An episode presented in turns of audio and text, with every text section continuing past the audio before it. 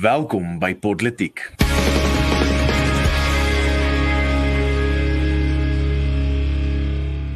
Rits en uh, saam met my ateljee is natuurlik Arno Rood. Uh, in die virtuele ateljee dis uh, vir ons lekker om weer saam met julle te kan gesels. Nou 'n bietjie van 'n 'n bietjie van 'n besige periode in die politiek paneel se lewens dat ons vir 'n paar weke nou nie episode uitgebring het nie. Skus daaroor, liewe luisteraars. Maar nou ja, uh, vandag praat ons oor drie lekker stories: krag, ramptoestand gestop, Eskom geklop en Steenhuisen top. Ai, hierdie reimpies nee, dit is hom dis hom lekker. Ja, ek ek moet wel sê, ehm um, vir vir baie mense ek weet nie vir my aanvanklik as 'n luisteraar het die rympies my nogal gegooi so bietjie. Dit was 'n uh, dit was iets om gewoon te raak maar soos jy nou al weet ek ek hou nogal daarvan om self dit voor te sit. En ehm um, maar net soos wat die rympies partykeer maar ontnonsens moet word kom ons ontnonsens hierdie week se politiek ook.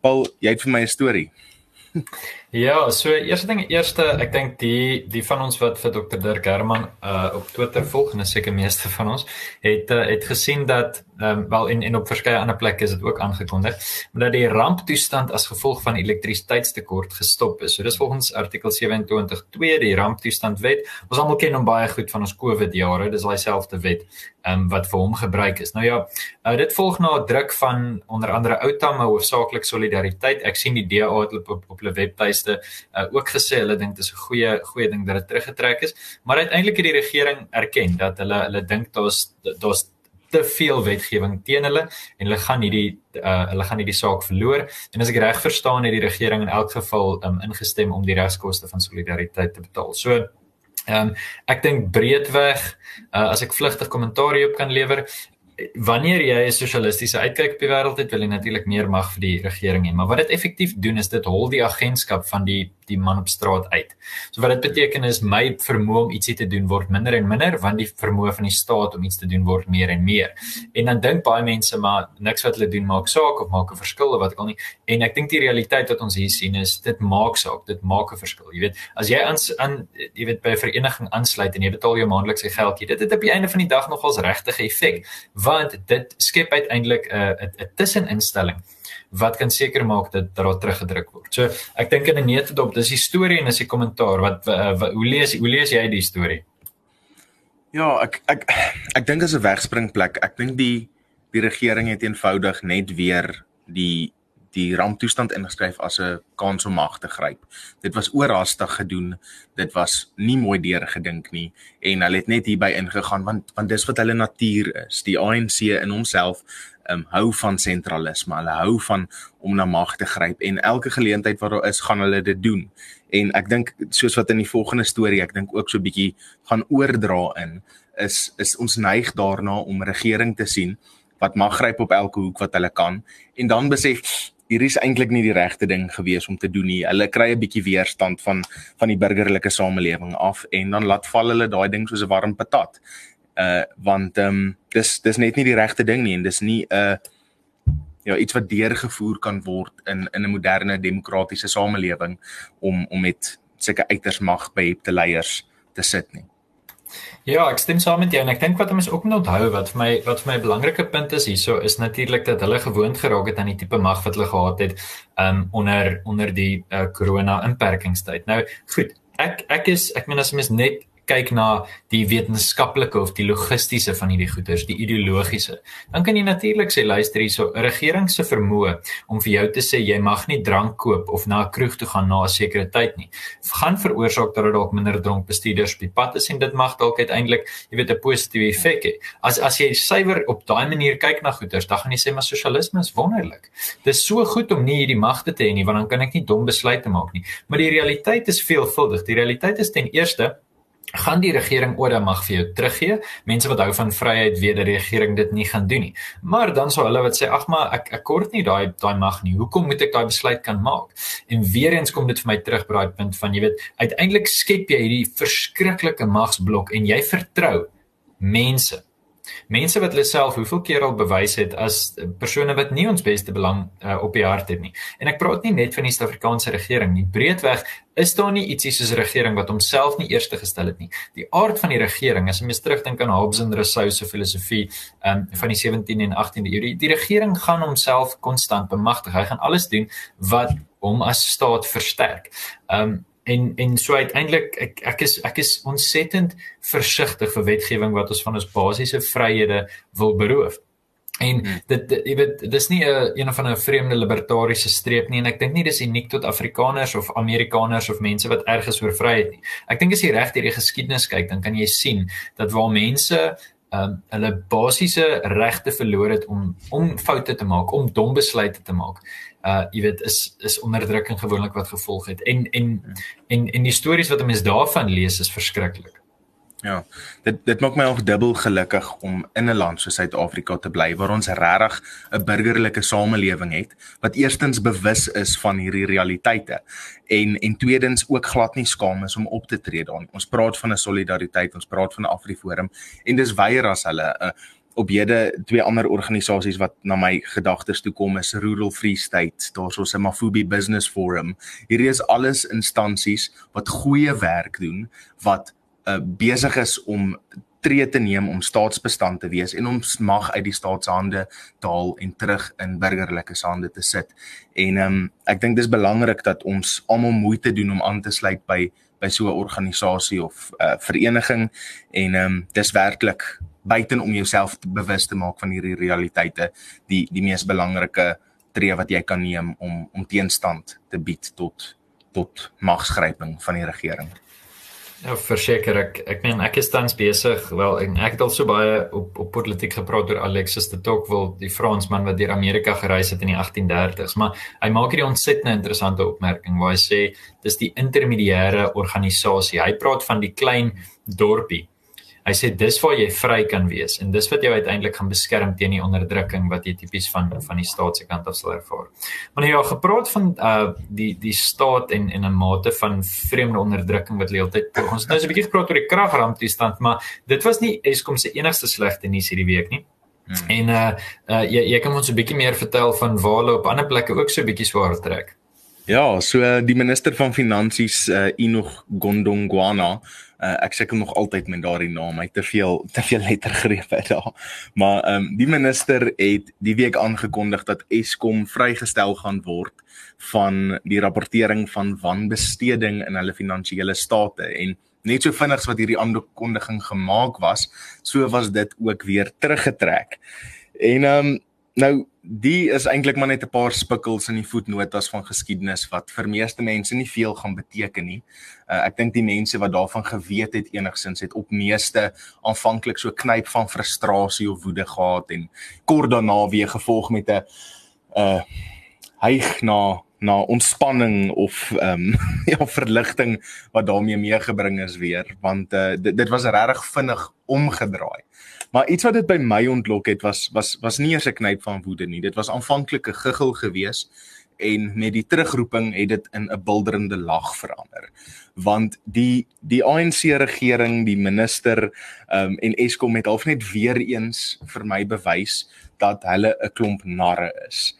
Ehm um, hulle is 'n klomp lucky packet ministers wat wat nie hulle planne goed deurdink nie en en dinge na die voorstoot wat wat nog nie uh, op 'n uh, volwasse wordingsfase is om aan die publiek bekend gemaak te word nie. Ek dink die minister het baie sleg gekommunikeer in die tyd voordat hy hierdie besluit gemaak het en uh, ek dink hy was bietjie oor sy vingers getik, nie noodwendig deur deur sy mede-ANC lede nie, maar maar deur die hof van publieke opinie oor eerlikwaar wat 'n simpel beleid. En ehm um, nou die die haastige aankondiging en die meer haastige trek trek daarvan het uh, het eenvoudig maar net bewys dat die dat die ANC nie hulle planne deurdink nie en hulle duimsuig van flater tot flater. Ehm uh, maar dis die land wat daaronder lê. Dit is ons wat saam met hulle teen hierdie afgrond afgetrek was. En die ANC, hulle verteenwoordigers, die kadres, die amptdraers, uh, maar bovenal na my se en hulle ondersteuners kom vir my meer en meer voor na eenvoudig onbekwame, denklose en mense sonder enige dag daadwerklike ruggraat. En ehm um,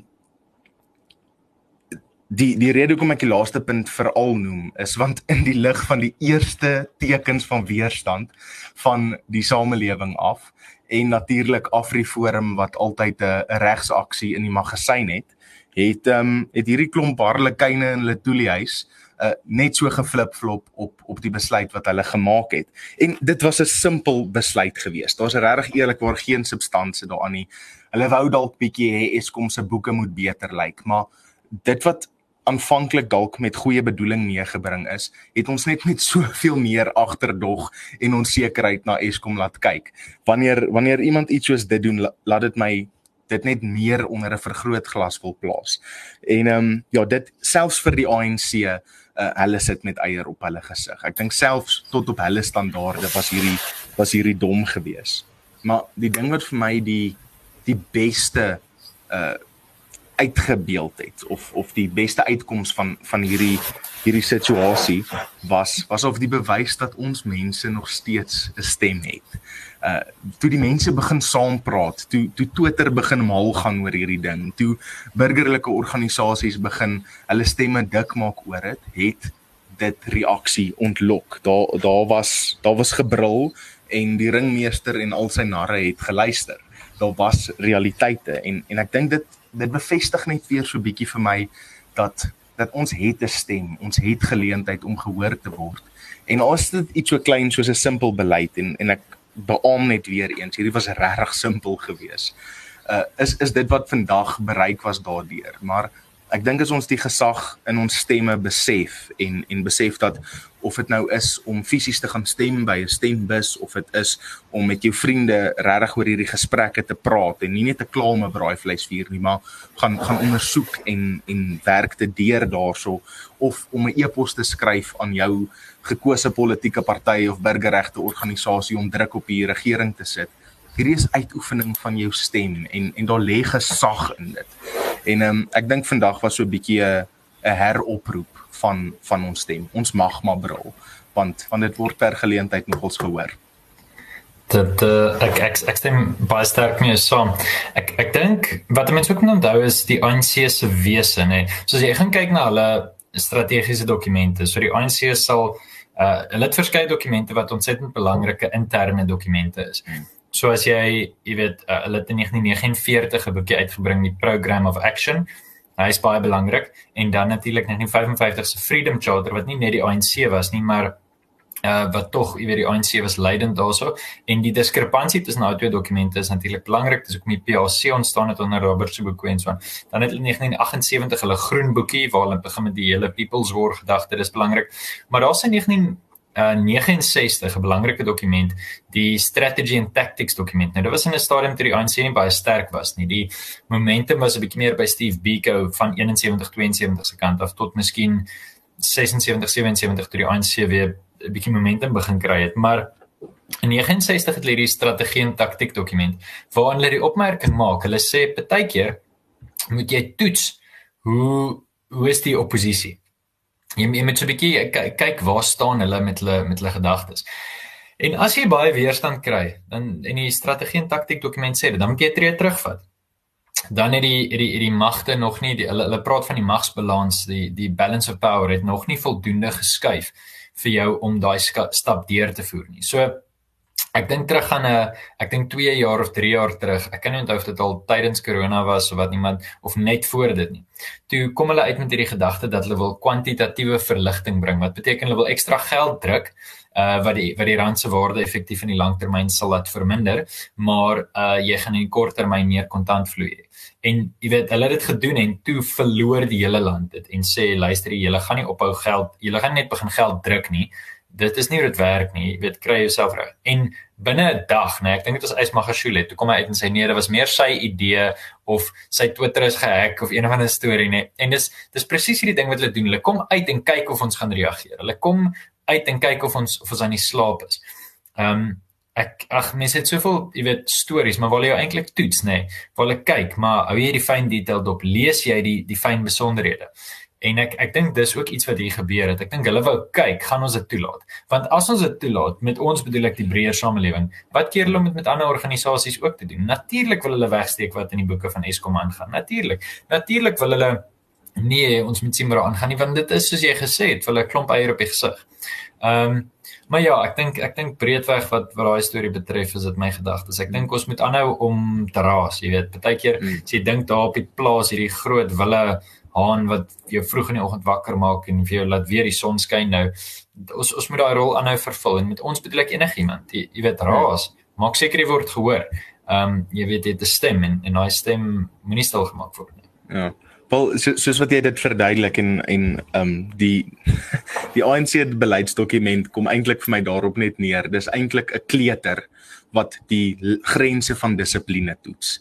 Jy dit soos wat jy dit verwoord het en uiteraard hoe hulle dit ook in in hulle dokument uh verwoord klink baie filosofies en weldeurdink soos wat net ANC kadres kan praat ook. Hulle praat baie mooi politiek.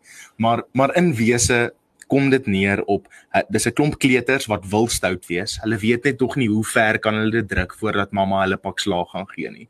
En ek dink ons as die burgerlike samelewing het so 'n plig om duidelik daai grense vir onsself te stel, weet wat is toelaatbaar vir ons, wat is nie. En as die ANC hulle vingertjies oor daai lyn steek of hulle hand in die koekie jar probeer sit, het ons 'n plig om hulle te voeter. Um, dood eenvoudig soos dit. En en ek dink hierdie was 'n 'n goeie wegspringplek vir dit en 'n 'n goeie uitbeelding daarvoor. Uh ons het wel ook 'n ander storie waarby ons bietjie wil uitkom en ehm um, ja, ek weet nie, partykeer hulle sê mens word groen van jaloesie, maar ek moet sê blou was nog 'n mooi kleur hierdie week en ek dink daarso was 'n oulike vertoning opgesit en als maar uh, ek dink Paul jy het 'n bietjie meer nuus oor oor wat by die DA se konferensie gebeur het. Ja, ek het uh, ek het 'n paar grappies voorberei, maar ek dink ek, ek jy weet, daar's daar's 'n tyd en 'n plek. Ek sal nou by hulle uitkom. Goed, so belangrike ding hierdie naweek gebeur, die DA het hulle federale kongres gehou en hulle het daar leiers aange, aangewys vir 'n 3 jaar termyn vreemde kort periode van tyd maar die belangrike ding is gewoon maar net dat dit die leiers is wat hulle na vore gaan stoot 1 jaar van nou af as ons 'n nasionale verkiesing het en natuurlik die groot ding is dis die eerste keer in 30 jaar waar daar waarskynlikheid is dat die ANC onder die 50% gaan ingaan. Uh John Steenhuisen die huidige leier het met 'n oorweldigende uh 5/6 'n 83% uh, het hy gewen teen die voormalige Johannesburg burger, burgemeester Dr Mpopalatse. Nou ek dink uh, Dr Palatse het baie talent. Ek dink sy is 'n vooraanstaande politikus of sy kan wees met die regte ervaring. Ehm um, maar ek dink sy was bietjie oorweldig geweest met iemand wat al 'n uh, sweep van die oppositie in die parlement was teen haar. En ek dink so maak ek sien uit haar loopbaan op hou. Goed, kom ons uh, krap 'n bietjie in wat het het uh, John Steenhuisen gesê in sy oorwinningstoespraak want ek dink dit is belangrik. Ons moet weet wat se rigting met die DA gaan neem en hy het 'n baie bepaalde ding gesê wat ek dink belangrik is waar ons almal gewonder het en wat wat toe duidelik na vore gekom het. Hy het soos as ek nou debat afrig vir graad 9 is dan leer ek hulle moenie laat jou spanmaats 'n appel tot vrees of tot emosie rig. In ander woorde, moenie laat jou opponente, die beoordelaars en die ander maatjies in die vertrek bang maak nie, want dis nie goeie argumentering nie. Ehm um, jy weet, dis soos jou ouers wat vir jou sê as jy televisie kyk, gaan jy blind word. Dat hulle probeer jou bang maak, dis nie 'n wenige argument nie. Goed.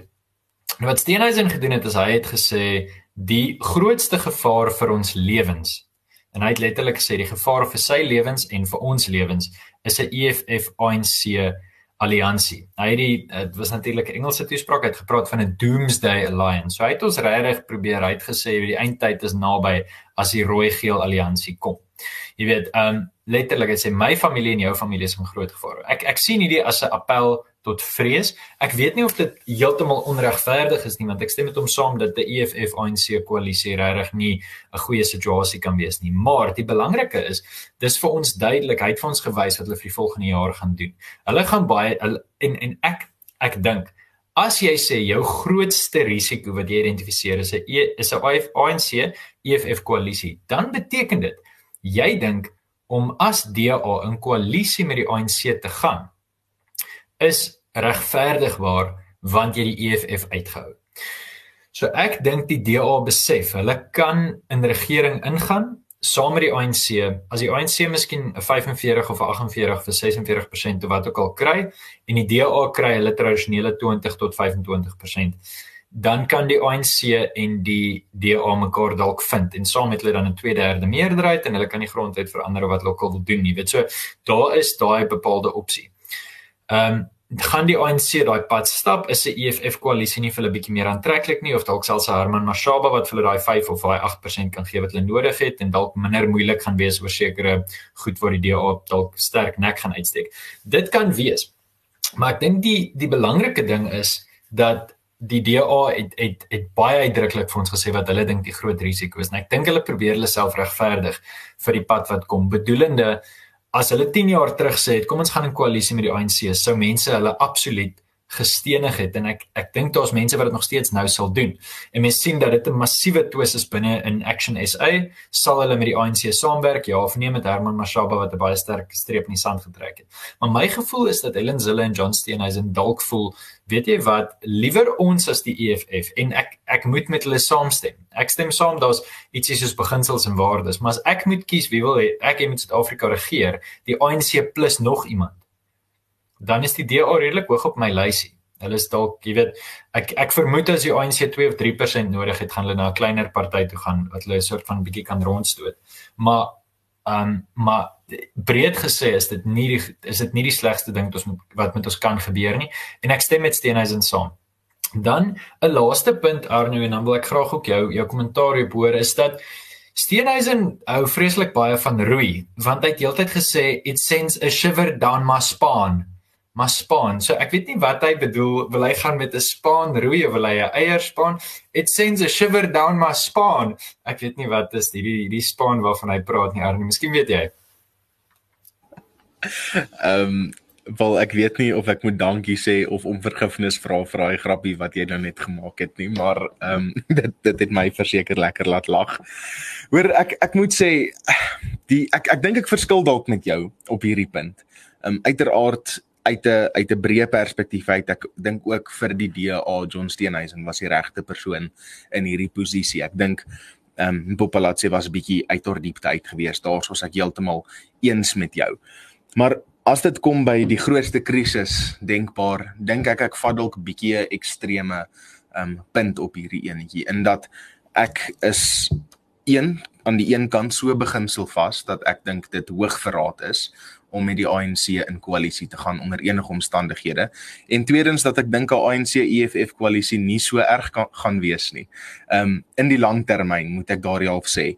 Uh daarsoos 'n 'n beginsel wat mens die um region beta paradox noem en ek dink ons het ook al 'n gesprek of twee oor hierdie idee gehad, maar waarop dit op neerkom is dat partykeer is mense net gemaklik genoeg in die omgewing waar hulle is dat hulle oukei okay is met hoe hulle mishandel word of hoe sleg hulle hanteer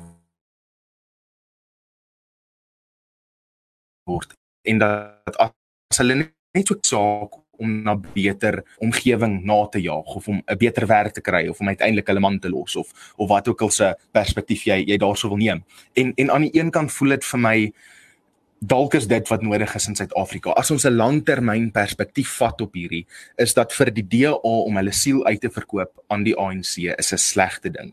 En dat dit dalk 'n goeie ding kan wees vir vir ons mense wat eintlik maar nog so klein bietjie gemaklik is in ons estates met met bakkies, eh, 'n uh, braai elke tweede Vrydag aand om om dalk so 'n bietjie wakker te word tot die realiteit wat aan ons voordeur klop en om hooplik dan oor 5 jaar die wat nog oor is en nie geïmmigreer het uh, 'n groot herroep na na 'n nuwe bedeling te maak daarso. En ehm um, ja, ek dink ek dink uiteraard hierdie is baie teoreties en dalk die realiteit aaklag. Maar ek dink dis iets wat wat ons in ag moet neem. Ek dink dis nie goed vir die DA om hulle siel te verkoop nie en ehm um, ek dink dis dis tyd dat dat Suid-Afrikaners en spesifiek Afrikaners klein bietjie wakker skrik tot tot wat ons daadwerklike realiteit is.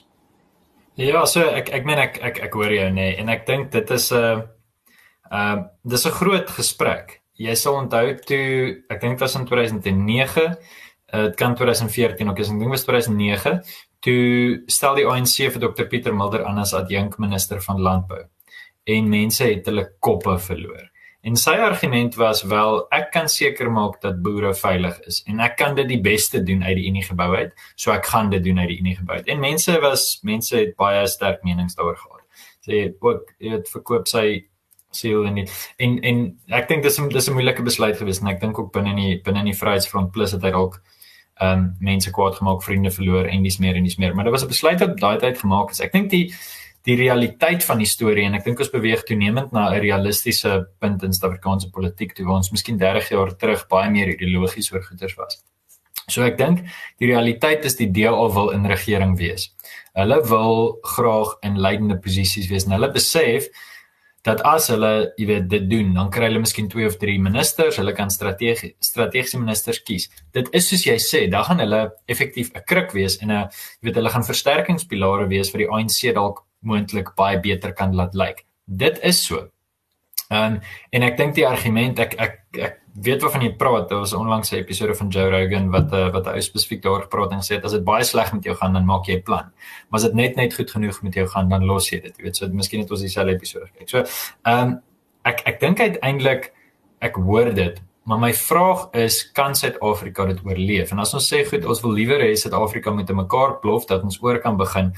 Ek hoor dit, maar weer eens dis ook maar 'n dis ook wat my betref ideologiese opmerking vir 'n eenvoudige rede dat dit, dit mag dalk tot baie groot skade lei. Skade wat voorkom kon geword het. En dan is die vraag, wil ek liewer hê die ANC moet 'n bietjie beter lyk as gevolg van die DA wat vir hulle 'n bietjie hakkies onder hulle skoene inbou of wil ek liewer hê Suid-Afrika moet in die woorde van Hunter Kennedy brand, jy weet. So en ek dink die antwoord daar is ek jy weet enige iets wat lewens gaan red wat my betref is beter, maar dis nie te sê dat die DA en die ANC noodwendige koalisie 'n goeie koalisie gaan wees nie, dis nie te sê daar gaan stabiliteit wees nie ensovoorts. 'n Klomp uitdagings. Mm. Ehm um, maar dis dis 'n interessante gesprek om te hê. Ek dink ons almal het soort van aangeneem die die ANC gaan heel eers na die EFF toe hardloop, maar ek dink mm. die ANC besef dat die EFF baie meer daaruit gaan kry as hulle.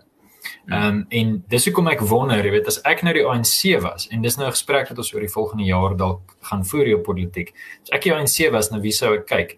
En Herman Mashaba wat gesê het nooit onder enige omstandighede en ek dink ek maak hulle situasie moeilik want ek dink hy sou eintlik die perfekte kandidaat vir hulle gewees het. Op klomppunte stem hy met hulle saam en daar waar hy nie met hulle saamstem nie, dink ek sou hulle eintlik mekaar kon vind. Waar hy nie met hulle saamstem nie, is wie en wat hulle is. Um, inherent, maar die manier hoe hulle die land bestuur is daar ek dink snaaks genoeg bietjie ooreenkomste. Die Vryheidsfront Plus en die IFP is natuurlik twee ander wat mense oor kan praat.